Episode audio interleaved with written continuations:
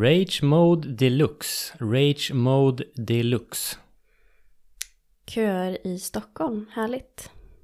Mm.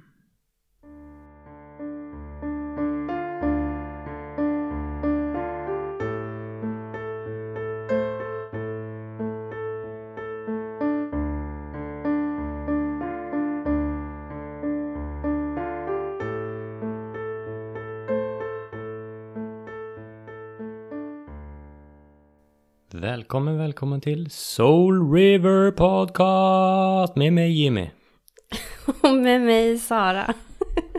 Det var oväntat. Ja, det var väldigt oväntat. Det känns som att både du och jag har haft en sån här dag där vi har eh, tappat det lite, kan man säga. Ja, det kan man lugnt säga. Ehm, jag fick något riktigt bryt på jobbet idag alltså.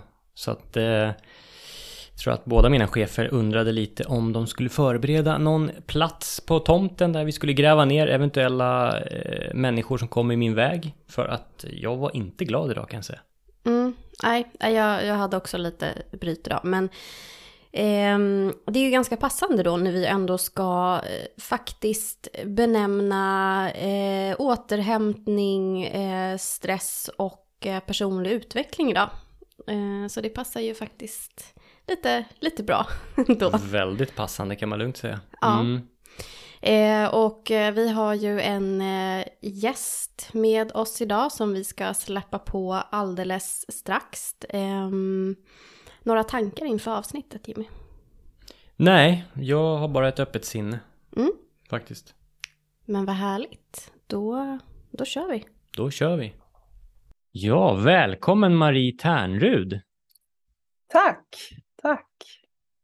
Så himla härligt att ha dig med i Soul River Podcast. Ehm, alla kanske inte vet det då, men eh, Marie är ju faktiskt min lärare på eh, min utbildning till återhämtningsterapeut. Så det känns ju superspännande att, att ha med dig så här äh, från andra sidan. Eh, Annars är det ju du som sitter och pratar. Precis, jättespännande att vara här. Tack så mycket. Eh, och det är jättekul att få vara med i det här forumet och dela med mig också. Mm. Ja, för du, jag tycker att du är jätte, jätte inspirerande. Eh, du har ju gjort en ordentlig resa kan man ju säga och det ska vi ju såklart prata om. Men eh, vill du berätta först lite om dig själv? Eh, Vart i Sverige håller du hus? Eh, jag finns nere i Höllviken, så långt ner man kan komma egentligen i Sverige. Ehm, och eh, är uppvuxen där i, i Malmö, så inte så långt härifrån. Ehm, och här bor jag med min familj, min man och våra tre barn. Ehm, och där har jag också mitt arbete och eh, jobbar härifrån så att säga, online. Mm. Mm. Och eh, du har ju ett företag som heter Soulful Living. Där du då främst utbildar eh, återhämtningsterapeuter va? Ja, precis. Det är det som är vårt huvudspår. Eh, det stämmer. Mm. Ja, men eh, nu vill vi ju verkligen veta Marie, hur kommer det sig att du startade ditt företag och eh, hur, hur började allting? Eh, egentligen började ju väldigt tidigt. Jag hade ju tidigt en, en passion för att eh, eh inom psykologi och att prata med människor, hela den biten och har jag egentligen burit med mig hela livet. Eh, men livet tog mig andra vägar och jag hamnade, jag utbildade mig till civilekonom och jobbade som projektledare i IT och telekombranschen i eh, flera år. Um, och uh, sen blev jag ju då utmattad och insåg när jag var det, eh, det var 2010 och däromkring, eh, så insåg jag hur lite hjälp det fanns att få för utmattade människor. Eh, och då så försökte jag ju hjälpa mig själv då med hjälp, alltså genom att gå flera olika kurser och utbildningar och så.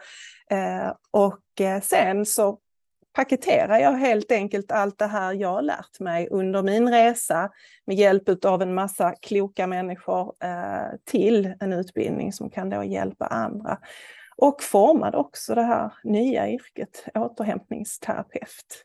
Eh, så det var en väldigt eh, spännande resa egentligen full av eh, fantastiska tillfälligheter och möjligheter som eh, eh, bara föll framför mig i princip.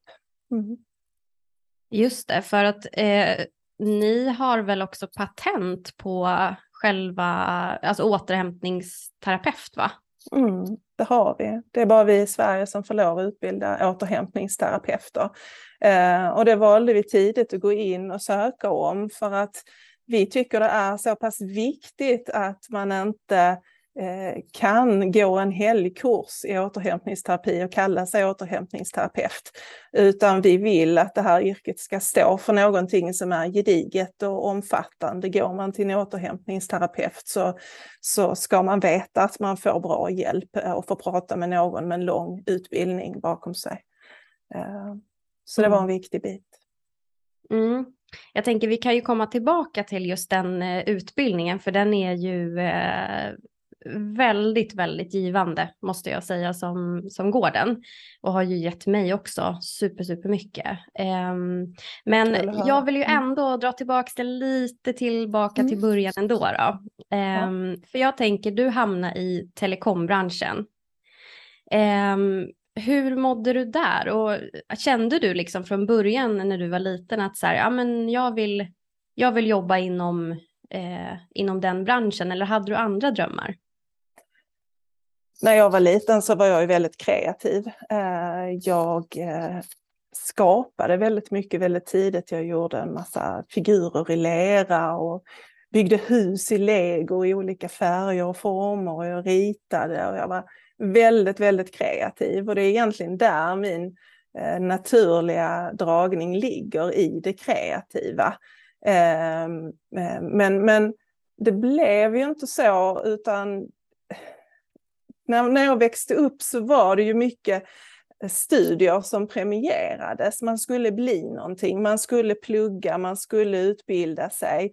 Eh, och eh, jag visste egentligen inte så mycket om vad man kunde bli.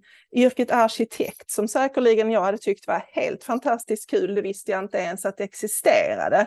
Eh, och likadant eh, psykologi och psykolog. Eh, det var inte heller någonting som jag Eh, kände till så mycket om, utan jag följde väl lite i mina föräldrars fotspår. Eh, och eh, pappa jobbade som projektledare i IT-branschen och jag följde efter där. Och jag, jag var väl lite den här duktiga flickan. Jag växte upp och ville få jag behövde mycket bekräftelse och beröm och det fick jag ju när jag gick de här vägarna. Eh, så att jag lämnar väl mig själv någonstans där i tonåren. Jag hade ett väldigt intressant samtalsämne med, med en kvinna som faktiskt är psykolog, eh, som också är min vän, eh, för ett tag sedan, eh, där jag reflekterade över att jag faktiskt slutade skriva dagbok när jag var 16 år. Eh, och eh, eh, det är väldigt symboliskt för att det var ungefär där jag lämnade mig själv och mina intressen Eh, och började, för att jag visste om att när jag skrev dagbok kunde jag ju inte ljuga för mig själv. Då var jag tvungen att vara mig själv fullt ut. Eh, så att där blev någon form av vägval för mig, att antingen så fortsätter jag att skriva dagbok och måste verkligen gå min egen väg och kämpa med det. Eller så ger jag upp och följer strömmen. Eh, och jag gav väl upp med min egen väg där och la undan dagboken och valde att följa strömmen, den lätta vägen. Eh, och utbilda mig då till, till civilekonom, som egentligen går väldigt mycket mot det som är jag i grunden. Mm. Ja, och jag tänker att det, det sitter ju säkert jättemånga där ute som har liknande historier som inte heller kanske har fått blomma ut i det som de hade mått mycket bättre av. Um, och vi, vi pratade om det i, eh, för två avsnitt sedan om eh, de olika intelligenserna. Just det här att man, man lär sig på olika sätt och man behöver olika saker. Eh, och jag tänker att det börjar ju bli mer medvetet nu, men förr så var det ju inte det.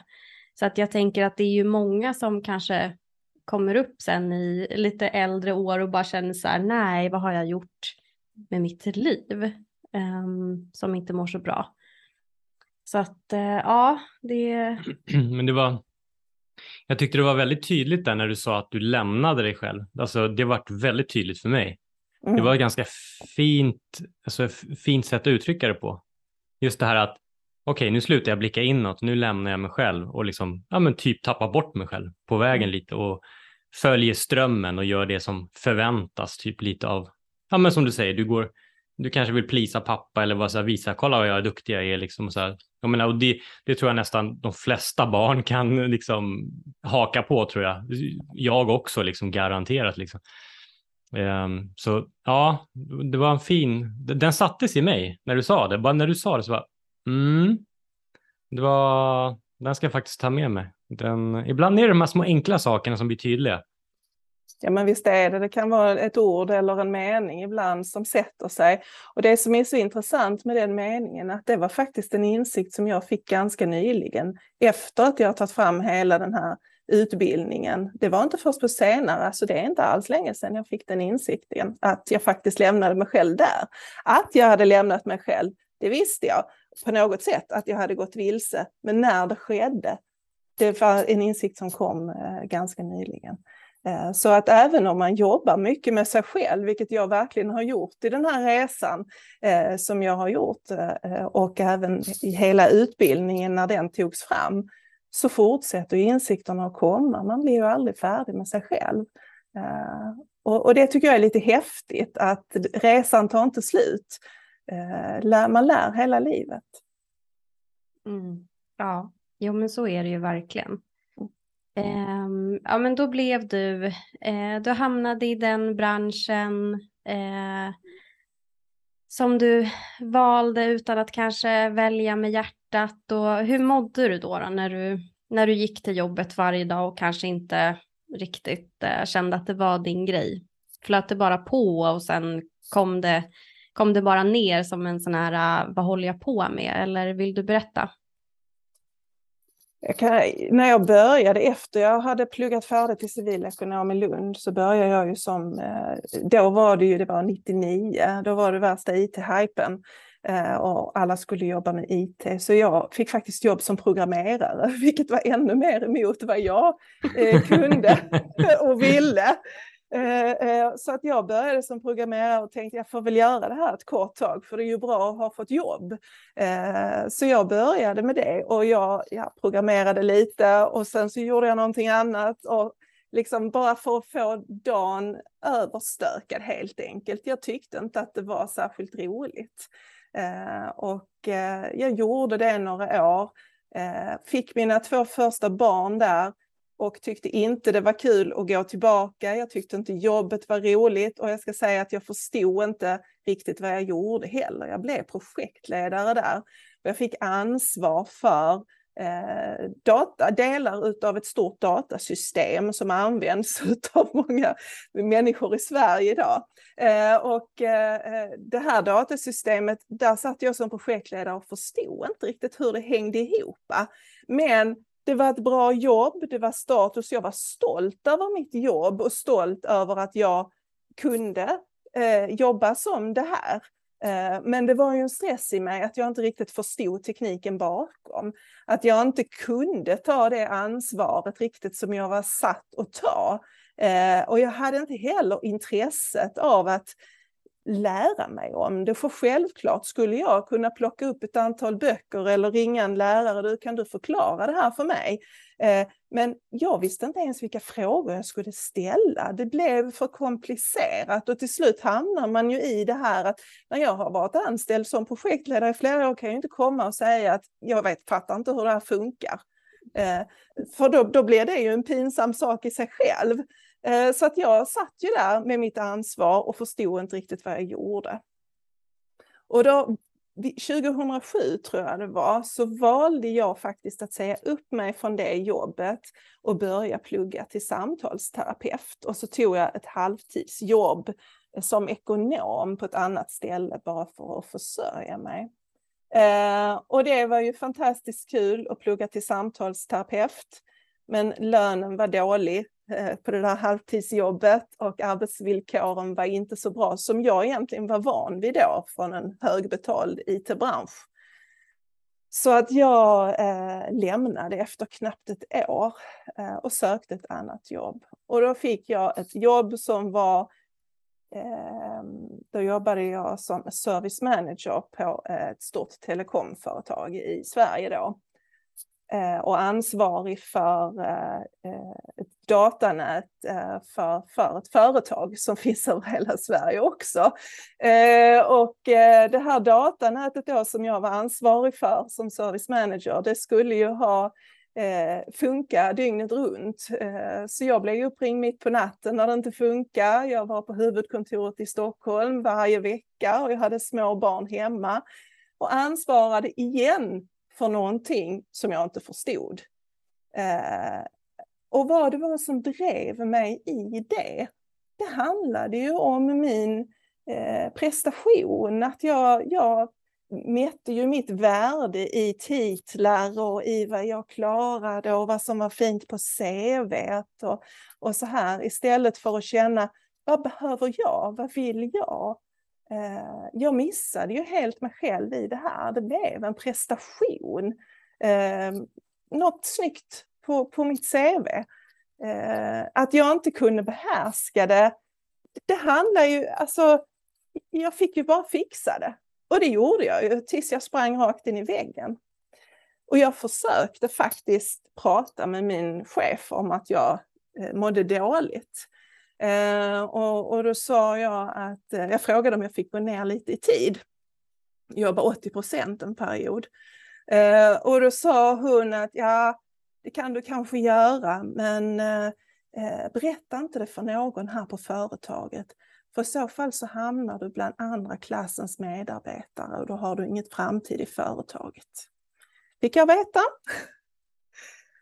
Eh, Okej. Okay. Ja, och... det, det är... Mm. Mm. Nej, förlåt, fortsätt. Ja. På det sättet så, så blev jag bemött. Jag fick också veta, för ibland när man kom dit på dagen då så var skrivborden tömda. Då hade någon blivit uppsagd och då frågar jag ju vad, vad beror det här på? Var, varför är, är det tömt liksom? Uh, och då förklarar ju min chef att ja, den här eh, personen som satt här Eh, sa nej till att ta hand om en ny kund och det är inte okej okay för att eh, då, då är man inte schysst mot sina kollegor för då får någon annan ta den här kunden. Eh, så vi hittade tre orsaker till att hon fick gå. Så att det var ingen bra arbetsplats. Och jag kämpade på istället för att gå därifrån och säga alltså det här är ju sjukt, jag skulle ju gått. Det är ju lätt att säga nu. Men jag satt kvar där som duktig flicka. Men, men det tänker jag ju också när man är inne i den där snurran, man bryts ju också ner lite grann. Och det är som du säger när man bara ser sina titlar och det kanske är bra betalt och man måste ta hand om sin familj och alltihopa. Jag förstår ju då att det är lätt att bara köra på. Och till mm. slut så vågar man inte stanna upp. För vad händer om jag stannar upp och börjar känna efter? Ja, då kanske jag rasar och det har inte jag tid med. Och jag har inte råd med det. Och då blir det ju det här att man mm. bara fortsätter. Mm. Um, men jag vill fråga lite, vad hände med dig när du började plugga där till samtalsterapeut? Eh, mm. Väcktes det liksom någonting inom dig då? Att du kände så här, ja men det kanske finns någonting annat för mig. Började du se saker annorlunda då? Ja men det gjorde jag. Uh, det var, jag, hade, jag hade ju redan egentligen när jag gick i gymnasiet så läste jag lite psykologi. Så jag hade ju varit där inne och eh, känt på det där lite innan, att det här, det här gillar jag. Jag gillar att, att jobba med människor på det här sättet. Så att jag trivdes ju väldigt bra på den här samtalsterapeutsutbildningen och fick eh, egentligen en kontext där jag kunde vara den jag var på riktigt. Men samtidigt så var jag bara så mycket på ytan fortfarande. Jag hittade ju aldrig det där djupet i den utbildningen så att jag kunde verkligen förstå hur snett ute jag var själv. Eh, utan jag bara var på ytan eh, och hade inte kommit i närheten av att förstå djupet av, av hur fel jag själv var ute. Eh, och jag kan också så här se i backspegeln att jag tror att jag blev lite rädd eh, för att jag förstod att det var mycket under ytan. Och då var det mer safe att springa tillbaka till, till eh, eh IT och telekombranschen där jag var bekväm. Eh, jag förstod att hade jag fortsatt där så hade jag nog varit tvungen att verkligen ta tag i, i mina egna issues eh, jag tror det var så. Mm. mm. Mm. Det där har ju vi pratat om tidigare också, det här med, ja men det här apropå titlar och sånt egentligen, hur, hur ja men alltså som du sa, det finns säkert välbetalda advokater som hellre skulle stå på typ McDonalds egentligen och kanske snacka med härliga människor och, och, och flippa mm. burgare. Och, och, och, och, vice versa. Någon på McDonalds som bara shit, tänk om jag hade råd att gå den här utbildningen och kanske hade varit en superbra advokat och brunnit för det liksom. Men att man kanske har fastnat i, man kanske har den här sommarstugan och båten och man kan liksom inte bryta sig loss. Liksom, jag kan inte börja jobba på ett liksom, mindre välbetalt jobb till exempel, för då har inte jag råd att ha den här livsstilen. Alltså, vad fel, man har liksom hamnat på det här spåret, sen är det nog svårt kanske att bryta sig loss. Det går ju, men du ska kanske då Mm. Det handlar om prioritering tänker jag. Och det kan vara en stress i sig också. Som du säger, gå runt och vantrivas så mycket att varje dag gå upp och bara känna så här, det här vill inte jag göra. Um, så att ja, nej, det, det är nog uh, mm, det är fint ändå att du ändå tog det steget tycker jag. Du ändå kunde bryta det loss och ändå så här hade den självinsikten att shit, det här går inte. För det är mm. inte alla som har det. De liksom de kanske de brakar och så reser sig upp och försöker igen och igen och igen tills det kanske är för sent och de inte mm. de är liksom bortom räddning. Mm. Så att eh, ja. Mm. mm. Jag var ju 35 ungefär när jag brakade eh, rejält eh, och eh, eh, jag är ju så tacksam idag för att jag faktiskt la om livet i samband med det och inte gjorde om samma misstag flera gånger, precis som du säger där. Eh, utan jag faktiskt kunde lära mig direkt och fortfarande ha så mycket kvar eh, eh, av livet. Så att säga. För det är många som brakar när man är mycket äldre. Och, och då kan det ju kännas mer bitterljuvt kanske att se tillbaka och tänka vad gjorde jag med alla de där åren och gick i någon annans skor. Eh, det måste ju vara jobbigare, eh, och vilket jag också märker när jag pratar med klienter, att det är ju jobbigare ju äldre man blir och inse vad har jag kastat bort alla de här åren på. Eh, sen brukar jag ju vilja vinkla det till att vi kastar inte bort någonting egentligen, utan allt det vi går igenom gör vi för att lära oss om oss själva. Eh, och jag är ju supertacksam för mina år idag som jag hade i IT och telekombranschen. Så mycket jag lärde mig och så mycket lättare för mig att möta alla människor i den branschen som faktiskt blir utmattade idag. Eh, att, att liksom möta mina gamla kollegor, faktiskt där vissa kommer till mig idag och vill ha hjälp och vi pratar samma språk. Jag förstår vad de menar. Eh, så att det har ju varit, jag är tacksam för allt det som har skett. Eh, och jag tror det är viktigt att kunna vända det till att, att få en, hitta en mening i det man har gått igenom. Eh, och kunna använda det som en erfarenhet. Mm, där sa du verkligen någonting för att här tror jag att många fastnar i, eh, precis som du säger, ja nu har jag kastat bort massa år eh, istället för som du säger vända på det. Okej, eh, vad lärde jag mig av det här? Vad kan jag liksom ta med mig av det här istället? Eh, det tror jag, för det är många som ja, blir lite offerkoftor i det. Eh, och jag, jag tänker att det är superviktigt att försöka eftersom vi pratar mycket om energier och sånt. Eh, och då tänker jag också att lägger man in den negativa energin i det, att åh vad jag har eh, förlorat istället för oj vad jag har fått. Så, så då får man ju den känslan i kroppen och då är det ju det som fastnar sen. Så att, um, ja, men det är ju samma som relationer många gånger. Alltså det har jag också tänkt förr till exempel att åh vad jag har slösat bort många år på dåliga relationer.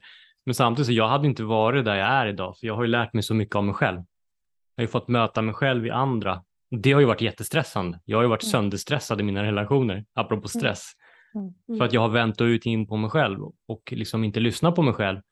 Men jag har ju lärt mig mycket också. Det här vill jag absolut inte gå igenom igen.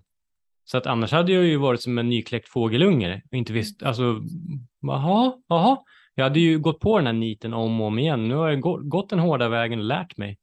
Precis som med allt annat. Så att allting är ju en lärdom, men det är ju verkligen ett mindset det där. Att så här, vända på det och tänka, men det är inte alltid lätt om man, framförallt inte om man kanske är djupt ner i någon depression eller inte mår bra. Då är det ju kanske svårt. Mm. Tänk positivt, då är det så här, du ska få en lavett liksom.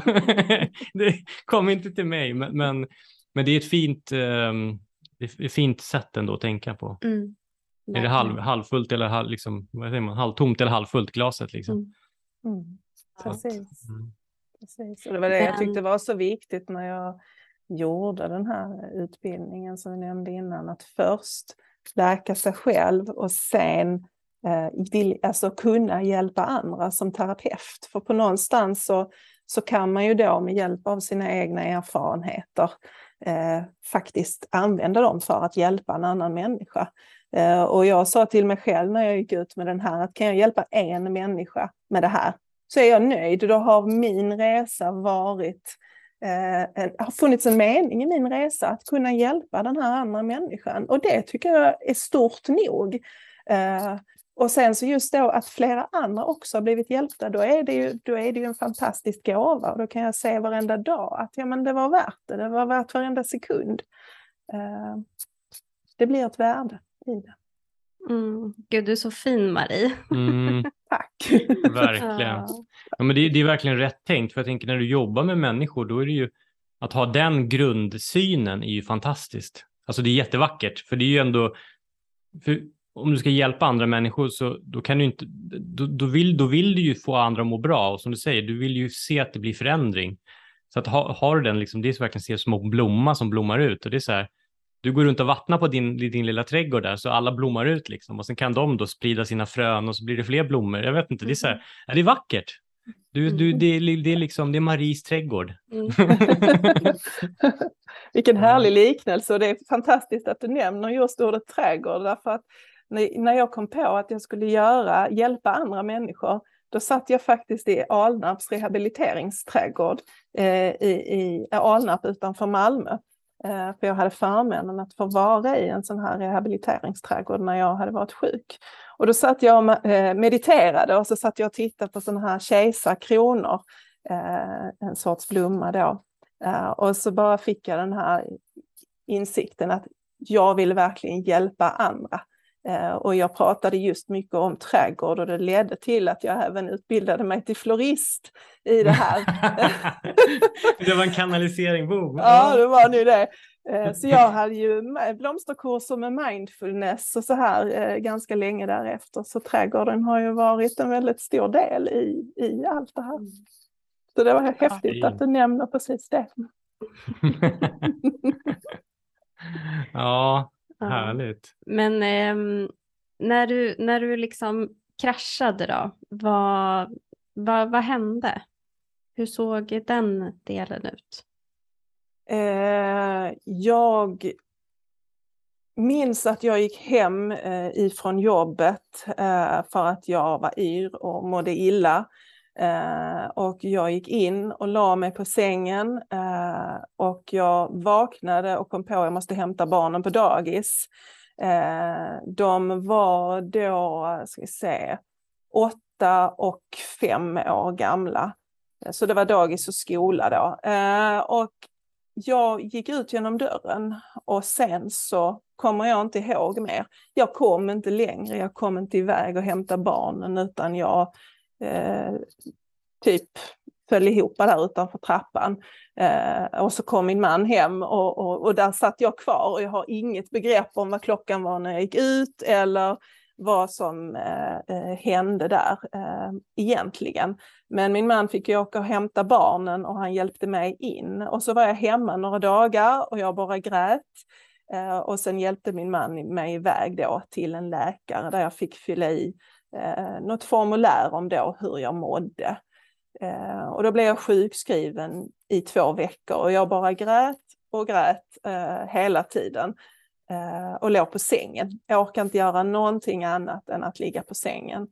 Eh, och jag blev sjukskriven i två veckor Eh, och jag pratade med min chef i telefon då, samma chef som jag beskrev innan. Hon, hon sa till mig att skaffa städerska och barnflicka, för så hade hon gjort när hon var stressad, så att det skulle då hjälpa mig, tyckte hon. Eh, det var väldigt långt ifrån min verklighet som jag levde i. Jag ville ta hand om mina barn själv. Eh, så, så det funkar ju inte för mig. Men i alla fall, Eh, jag var sjukskriven i eh, nästan ett år innan jag började arbetsträna. Eh, och det första halvåret så låg jag i princip bara på sängen och grät. Och jag kände mig som en usel mamma. Jag eh, orkade inte ens gå upp och tömma diskmaskinen. Eh, jag ville inte gå ut, jag ville inte riskera att träffa på några grannar. Så jag gick ut ibland och satte mig i morgonrocken utanpå min, ute vid terrassen Eh, Eh, bara för att få lite luft. Eh, och det kunde jag göra någon dag som var bra. Eh, många dagar låg jag bara inne på sängen. Och det var ungefär ett halvår. Så efter ett halvår började jag att börja gå upp lite mer. Ehm, så det dröjde ett år ungefär. Sen började jag arbetsträna på min gamla arbetsplats. Eh, det funkar inte alls bra. Jag skulle göra något väldigt tekniskt och jag förstod ingenting. Så jag satt bara där och tittade i skärmen. Eh, så då blev jag sjukskriven igen. Så att, eh, och sen gick tiden där eh, och jag blev faktiskt gravid i samband med det, med mitt tredje barn. Och det var faktiskt en, en väldig välsignelse för mig därför att hon, det, det, blev ju så att min läkare sa att du ska inte jobba under tiden du är gravid eftersom du har den här stressrelaterade ohälsan med dig. Eh, så eh, vad skulle det riskera barnet så att säga. Så att jag skulle inte riskera att bli stressad igen. Så att jag var ju sjukskriven under min graviditet. Ehm, och efter graviditeten så började jag ju då på den här floristutbildningen och så. Så att jag fick ju lite extra tid där och det är jag väldigt tacksam för därför att jag slapp vara under granskning utav eh, försäkringskassa och läkare och allt det här för att jag upplevde det som väldigt stressande att någon annan skulle bedöma om jag var sjuk eller inte. Någon annan skulle bedöma om jag fick pengar eller inte. Eh, jag upplevde det som en väldig stress. Jag visste bara vad jag hade på några veckor framåt eh, och sen skulle någon annan göra en ny bedömning. Eh, och det, jag tyckte, man, ja, min upplevelse var att jag var väldigt livegen eh, och att jag inte fick, eh, kunde bestämma över mitt eget liv. Så att jag kunde då med hjälp av att jag faktiskt fick med, min, min lilla dotter där ta kontroll över mitt eget liv igen. Eh, men så vill jag ju inte att, eh, jag vill ju inte rekommendera det som en lösning, det vill jag vara tydlig med, en graviditet, därför att det är ju väldigt påfrestande för både kroppen och måendet om man inte orkar med det själv. Eh, jag klarade av det tack vare min, min fantastiska man som tog väldigt mycket där. Så för mig blev det väldigt bra, men det kunde också gått på andra hållet med just att få barn om man inte mådde så bra. Mm. Men jag undrar lite grann eh, nu så här i efterhand, för att jag antar ju att, att du och din man säkert har pratat mycket om eh, hur, hur den tiden såg ut och så. Eh, vet du om han märkte av någonting på dig, alltså att du var lite annorlunda innan du kraschade och satt på trappen? Hade han märkt av någonting att du var annorlunda eller små tecken? Ja, han hade ju sett länge att jag var stressad. Eh, men eh, jag tror att vi båda två var lika fast i stressen. Eh, med två små barn och ett hus som vi hade köpt som vi insåg hade mycket större renoveringsbehov än vad vi förstod och en budget som var för liten för det. Eh, och eh, vi hade så mycket runt omkring oss i livet där. Eh, så att jag tror att han eh, hade också fokus bara på att klara av dagen. Eh, han var också stressad och han, han blev inte utmattad på samma sätt som jag, men han fick ett bakslag därefter där han också var, mådde dåligt en period eh, för att det var så mycket. Så att jag tror att både han och jag gick eh, lite med skygglappar eh, och klarade bara av livet från dag till dag. Eh, så vi såg nog inte riktigt varandra i det där heller. Eh, så att, men han märkte ju självklart att jag var stressad, men det var han också. Mm. Eh, mm. Men hur, hur har han, jag tänker så här, har han fått sig någon tankeställare efter det som hände dig? Jag tänker även om han också liksom fick sitt bakslag, men jag tänker så här, kunde han se, alltså se vad som hände dig och så här, fånga upp sig själv där på något sätt? Alltså, förstår du vad jag menar? Mm. Ja, men det kunde han eh, och eh, han förstod ju eh, tack vare det jag gick igenom att han också var tvungen att jobba med sig själv. Han har också gjort en gedigen resa i sig själv och ehm, fått lärt sig att förstå sin egen stressrespons och, och vad som händer och tittat på sin uppväxt och alla de här bitarna. För det var ju någonting jag märkte tidigt också när jag började göra min inre resa, att han behöver också göra någonting här, annars så går vi ifrån varandra. För vi börjar prata olika språk. Eh, vi börjar prata, eh, det hände så mycket med mig medan han stod kvar. Så att jag sa det väldigt tydligt till honom att du, du måste hoppa på det här tåget annars så kommer vi att gå olika vägar. Och han förstod inte då varför, men han förstod att jag menade allvar. Så att han började själv också att göra en inre resa eh, tack vare vad jag gick igenom. Eh, och det har ju såklart hjälpt honom jättemycket att inte behöva gå kvar på den här autopiloten med skygglappar och bara klara av från dag till dag. Utan han lever ju också livet på ett väldigt medvetet sätt idag och tar hand om eh, sin, sin fritid och sitt liv och, och, och försöker och satsa mycket på sitt eget mående. Eh, så att vi, vi hjälper varandra väldigt fint i det tycker jag och jag är så tacksam att jag har honom att luta mig mot när det är någonting och att vi kan prata om det på ett sätt där vi faktiskt kan nå varandra med samma språk. Superfint ju. Ja. Och jag tänker det är ju vilka förutsättningar barnen har då också med tanke på att ha två medvetna föräldrar. Jag alltså, hoppas det. Ja. ibland, ibland så tycker man att de tycker ju att vi kan vara lite jobbiga ibland. Mamma säger inte till mig att jag ska meditera nu igen. De kan tycka att det blir lite mycket. Men eh, det, det, är så fint för man hör ju det där motståndet i tonåren. Men sen när de kommer där fram till 20, min äldsta hon är 20 nu. Eh, och nu märker man ju att hon har tagit till sig väldigt mycket. Även om hon gärna revolterade mot det när hon var 15 så nu när hon är äldre så, så känner man igen väldigt mycket av det man har sagt. Så att, eh, någonstans så snappar de nog upp, även om det finns en tonårsrevolt i mitten så tar de med det. På påpekandet och checka av listan. Ja, ja, nej, nej, nej, nej. jag ser nog, jag ser nog mig där i. Ja. Men hur, hur hittade du allt det här med, med meditation och sådär? För jag tänker att någonstans så måste det ju ha hänt någonting eh, från det att du fick din eh, dotter då till att du satt i trädgården och insåg vad du skulle skapa för någonting med, med företaget och allting. Hur, hur såg det ut däremellan då? Liksom, hur började du successivt eh, må lite bättre och så? Ja, det var faktiskt en spännande resa. Jag eh, hade precis fått mitt, eh, skrivit på mitt uppsägningsavtal då från den här sista arbetsgivaren. Jag blev utköpt, eh, vilket var jättebra för jag fick en liten grundplåt att stå på ett tag. Eh, och ehm, eh, då satt jag och scrollade på, på datorn för att eh, hitta vad ska jag göra nu. Och då tänkte jag, jag måste göra någonting som är totalt tvärt emot det jag har gjort tidigare, bara för att prova på.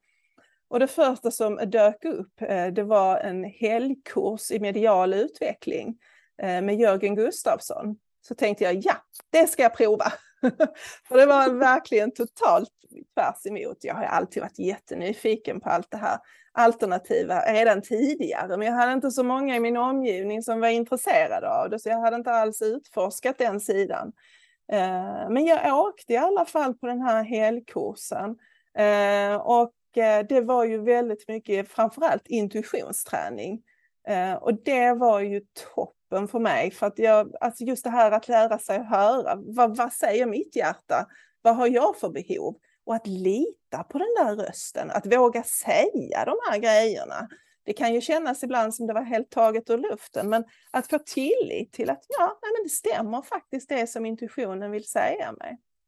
Eh, så att där, där halkade jag in lite på ett bananskal och sen så höll jag ju på med det här med, med det mediala i flera år. Och jag gick reikikurser, jag hittade meditationsgrupper och eh, massa olika typer av eh, både fantastiskt intressanta kurser, väldigt spännande, men också kurser som jag har känt att ah, men det här funkar inte riktigt för mig. Och jag tror det var viktigt att ha båda delarna för att kunna känna, men var står jag eh, i det här? Vad, vad, funkar för mig? Vilket är min, mitt sätt att se på livet? Eh, med hjälp av all den här inputen från, från så många olika håll. Eh, och, det, och, just det här också som du nämnde innan, ni pratade mycket om energier. Eh, för mig blev energier en väldigt, väldigt viktig del i återhämtningen. Just möjligheten att påverka min egen energi genom mina tankar. Att kunna Eh, påverka mitt energiflöde i läkningen och återhämtningen. Alltså där är så många bitar där energin är så väldigt viktig och framförallt som du säger då det här med är glaset halvfullt eller halvtomt. Hur jag ser på livet, det manifesterar ju sig i hela kroppen. Eh, så det var väldigt, väldigt många viktiga saker jag plockade upp där. På den resan.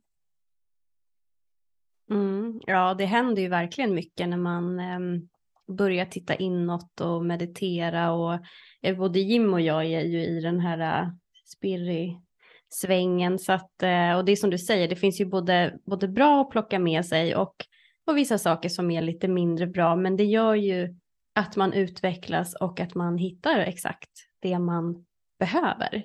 Mm. Eh, så att eh, jag tror att det hjälper väldigt många faktiskt.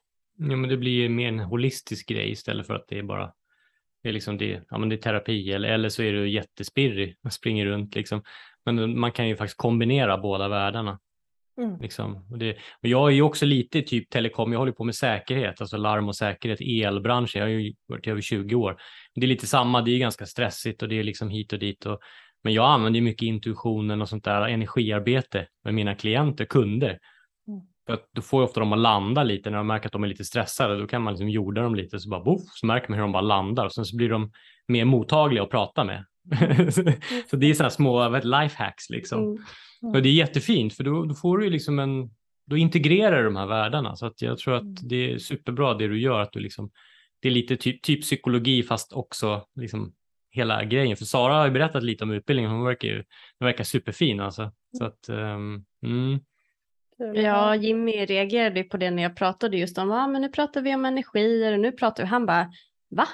Går inte du en terapeututbildning? Jag bara, jo men jag sa det så här, men jag hade ju aldrig hoppat på det här om det hade varit en inom citationstecken vanlig terapeututbildning för att jag satt ju och letade väldigt länge. Jag kände bara så att ja, men det här, jag, vill, jag vill bli terapeut men jag kan inte gå en vanlig utbildning. Utan det, det, det, måste vara det här lilla extra för att jag menar, ja men jag är ju superintuitiv och ja men är ju healer och alltihopa. Jag kände så här, det måste finnas något. Och då trillade din utbildning ner i knät på mig. Så här, mm. här har vi den. Eh, och när jag läste igenom modulerna så kände jag att jajamän, det är bara att signa upp sig. Um, så att det, det, ja, det var ju därför. Mm, vad kul att höra, helt fantastiskt. Och jag, för mig, när jag blev utmattad och gick jag hos en psykolog och pratade, Eh, och, och, jag vill ju åt de här andliga djupa bitarna. Jag ville prata om vem är jag här inne och vad är det som rör sig där uppe i hörnan som jag kan se ibland och hur funkar det med energier och varför känns det så här? Jag vill ju ha in de bitarna. För mig var det ju jätteviktigt att utforska den andliga sidan i mina samtal. Men han den här killen jag gick till, eh, psykologen då, han, han, han förklarar ju allting med fenomen i hjärnan och jag tyckte, ja, men, men det där ger mig ingenting. Det är mycket möjligt möjligt att det kommer från hjärnan, jag kanske bara fantiserar. Det spelar ingen roll. Jag ville prata om de bitarna eh, och det blir eh, det var viktigt och jag tycker det är superviktigt att när man jobbar med klienter i terapeutiskt arbete att man faktiskt kan bejaka hela människan och olika sätt att se på livet. Att inte ha en färdig sanning och säga så här funkar hjärnan, så här funkar livet. Utan det är ju upp till klienten. Hur vill klienten se på livet? Och hur att, att klienten kan hitta sin egen sanning hos en bejakande, icke-dömande terapeut. Utan faktiskt att det finns en öppenhet. Eh, det tror jag är superviktigt. Ja, för då får du ju själv då kan du ju läka dig själv i och med att du får uttrycka ditt inre. Det, kanske, det kan du inte, kanske inte riktigt göra om du, alltså, om du börjar uttrycka, ja, nej, det där stämmer inte, utan det ska passa i deras ramar, då, då utvecklas du inte. Då, hur ska du då kunna återhämta? Det säger sig självt ju. Mm. Alltså om man tänker rätt logiskt, mm. precis som att alla lär sig på olika sätt. Mm. Nej, du måste lära dig, det ska vara roten ur eller någonting. Så, ja, nej, men jag vill räkna stenar. Typ, ja, men, typ, bara, men jag lär mig lika mycket fast jag lär mig på ett annat sätt. Och det är så här, mm jag vet inte. Du, hur ska du så här, om någon talar om att nej, det du känner typ är fel. För att du ska, jag vet inte. Det är klart, du måste ju få vara fritt. Du måste ju få liksom vara dig själv. Så att, ja, jag fattar precis. Det är, fan, det är riktigt bra alltså. Nej men alltså faktiskt, jag har inte tänkt på det. det, det på alltså, jag, jag tänker också så här, terapeut, så här, ja det sitter någon med sån här, du vet, sån här, allt, det, allt sån här krage upp här och sitter och tittar på en så här, mm, och slår med någon penna så här, mm, lite så här allvarligt så nästan blir nervös. För jag har själv gått i KBT och grejer. Mm. Och jag vet ju också så här att jag blir lite så här, sa jag rätt nu? Vet, jag fick lite den mm. känslan, gjorde jag rätt nu? Du vet det där. Mm. Och så bara säger de ingenting, de bara sitter och tittar. Och blir, jag blir så obekväm, för jag kan inte läsa av sådana där personer. För de är helt själlösa, du vet. Och så bara, ah, jag får liksom ingen reaktion. Så att gå till någon då som bara så här, uttryck dig liksom och mm. berätta. som du sa, spelar ingen roll om du ser någonting som kryper i taket, en energi som bara tjena mm. eller liksom whatever, uttryck det som behöver komma för då kan du läka. Mm. Så, så friskt, så friskt. Mm. mm. Ja, och jag tänker att man, det jag gillar med den här utbildningen det är att alltså, man kan leka lite mer än på något vis. Alltså för att eh, nu har ju vi börjat lite med och, och vi får ju ha klientsamtal nu och sådär. Och eh, där har jag ju märkt att det är ganska, eftersom jag jobbar ju med djur, eh, jag är ju djurkommunikatör, så jag når ju människorna genom djuren allt som oftast, för det blir väldigt tryggt för en person att ha med sig sitt djur. Så då kan jag ha en djurkommunikation först, där jag har förmedlat vad djuret säger. Och sen tar jag det här samtalet, för då är vi så inne i de här energierna och då är det lättare för personen att öppna upp. Eh, eller att man börjar med en meditation det är också så helt fantastiskt att man känner att ja, men nu, nu har personen landat i kroppen. Eh, för när jag gick i terapi, jag har också gått i, i omgångar och jag fick också, jag, jag fick nästan utslag av att gå till en sån här som bara satt och stirrade på mig. Alltså jag, jag blev så nervös och började försöka gissa exakt som du säger, vad, vad kan jag säga som, som stämmer in här, som, som är rätt? Mm. Eh, och fick inte ut någonting av det. Eh, tills jag gick till en tjej som bara så här, sparka av dig skorna, upp med liksom fötterna i soffan, eh, gav mig liksom papper och färgkriter och bara gör vad du vill, liksom. ska vi meditera lite? Jag bara ja, vad skönt. Och, och, och då nådde hon mig för att det var så okomplicerat. Eh, och, det var, och vi pratade också om energier och ja, men sådär. Och, och då, då började jag läka. Eh, så att det är så häftigt med den här utbildningen att man kan liksom verkligen ja, den är holistisk och man kan skapa med den. Så att den är, den är så häftig alltså. vad kul att höra. Gud vad härligt. Ja. Mm. Men eh, vill du berätta lite mer om, eh, om utbildningen då?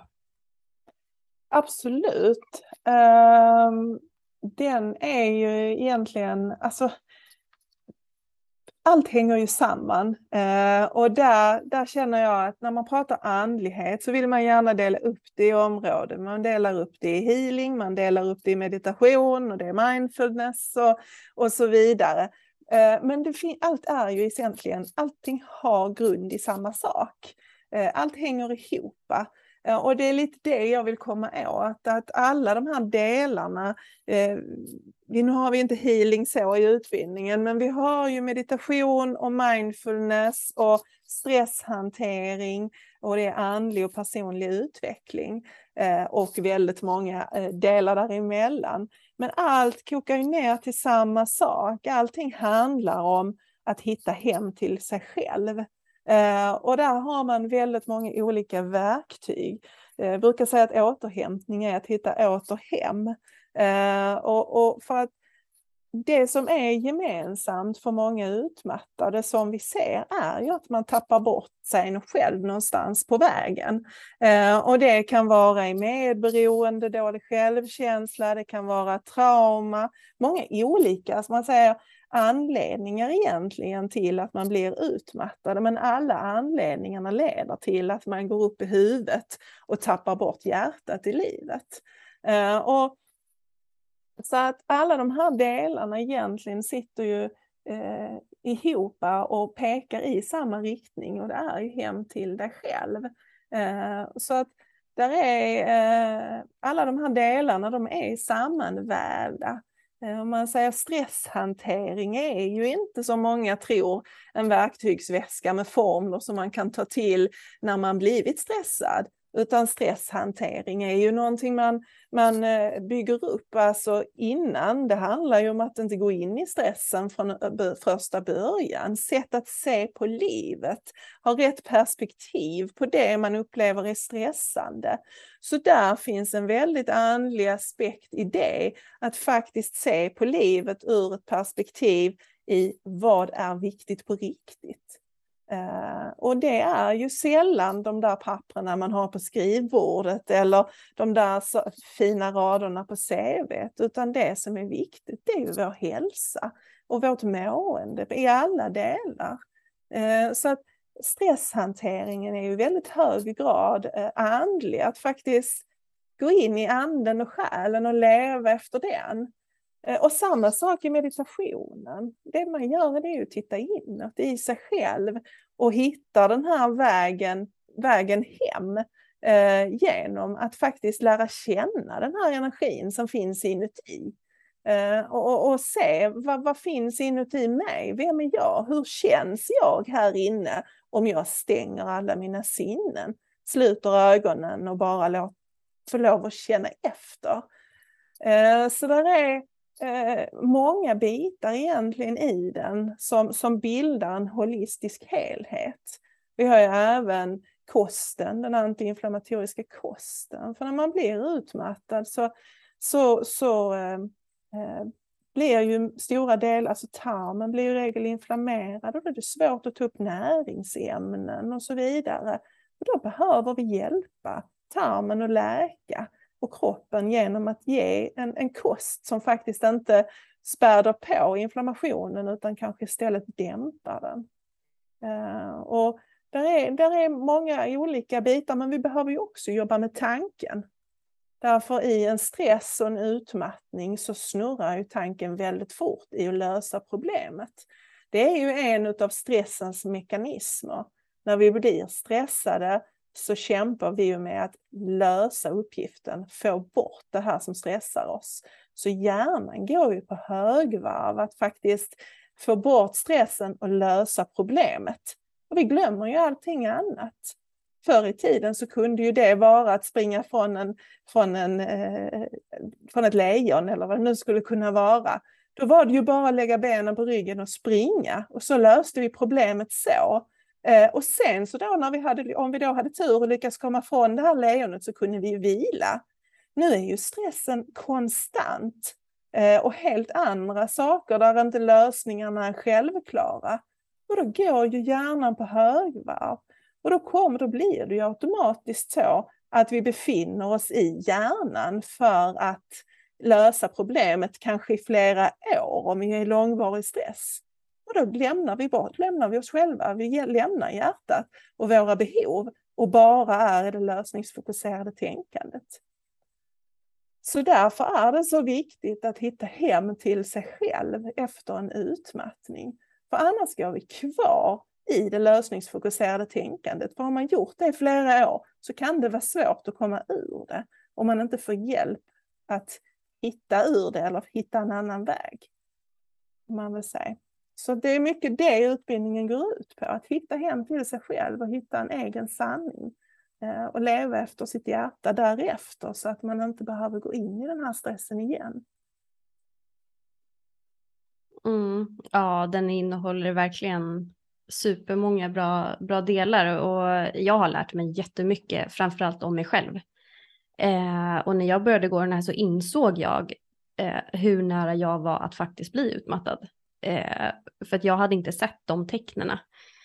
Eh, så jag hann ju bromsa i tid mm. eh, tack vare utbildningen. Eh, så att jag började titta lite på hur jag levde och vad jag åt och, och sådär. Eh, så att ehm, det har ju hjälpt jättemycket. Men hur skulle du säga att vi i Sverige ligger till då? För jag tänker att ehm, medvetenheten kring det här, tycker du att den eh, har blivit bättre just det här med, med stress och sådär? För det känns ju ändå som att det skrivs ut ganska mycket medicinering eh, på löpande band som en sån här snabb quick fix. Mm. Eh, hur ser du på det? Eh, om man jämför med 2010 när jag blev utmattad så upplever jag faktiskt att det har hänt mycket positivt. Eh, framförallt i form av en ökad medvetenhet hos människor.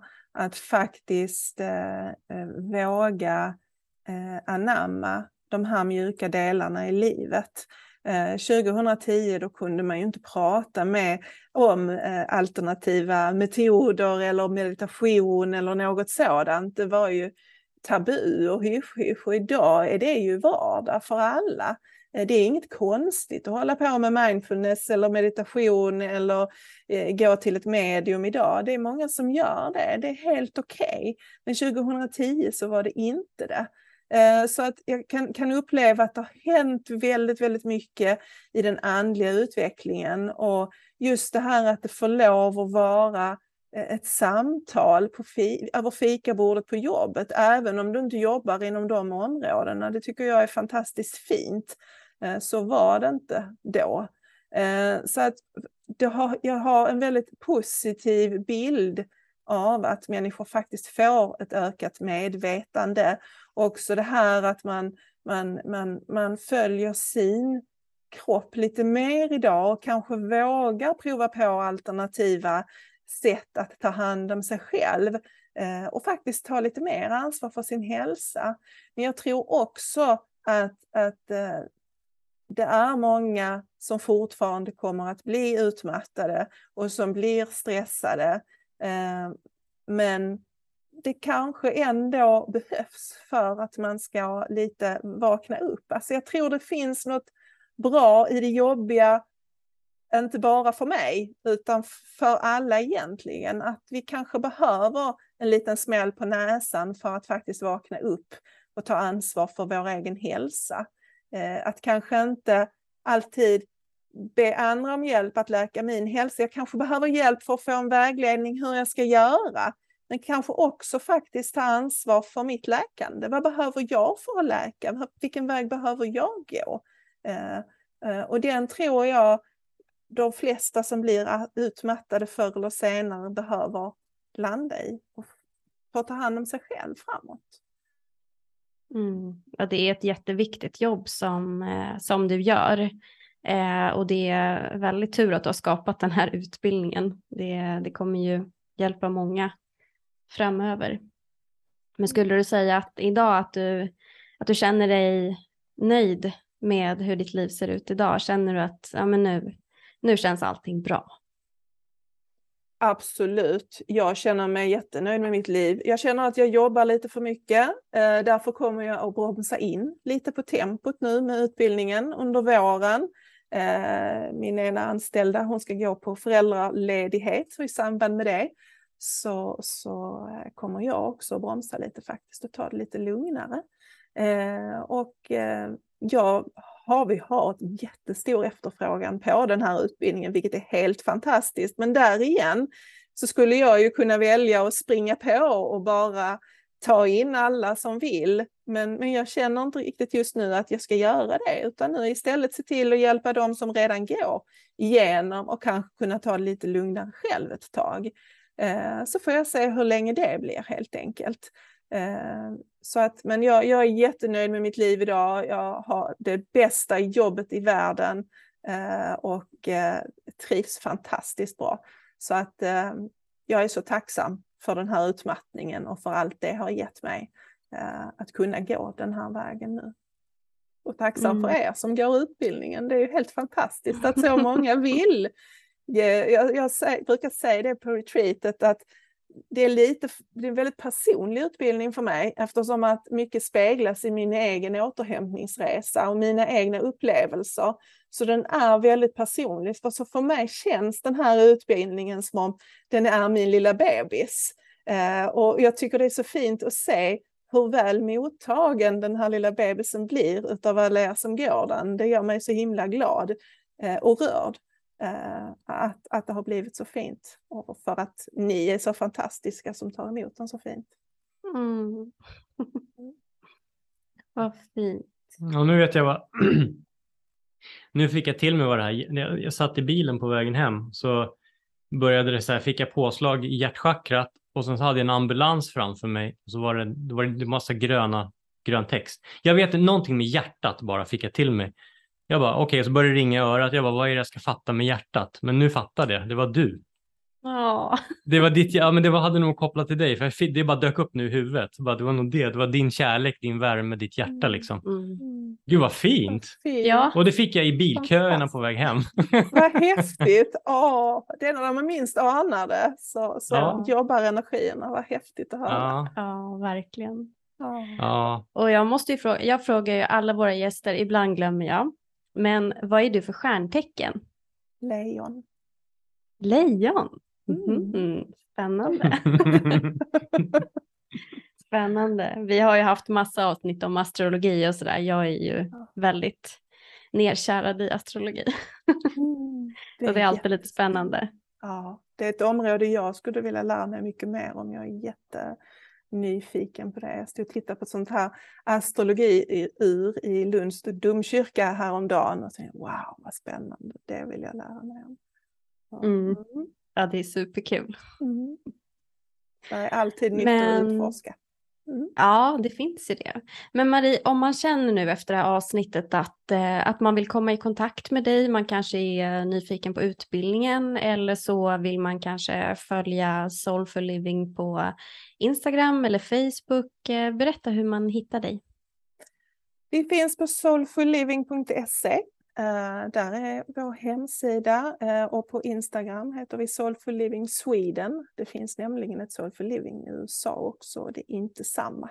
Så Soulful Living Sweden och så Soulful Living på Facebook.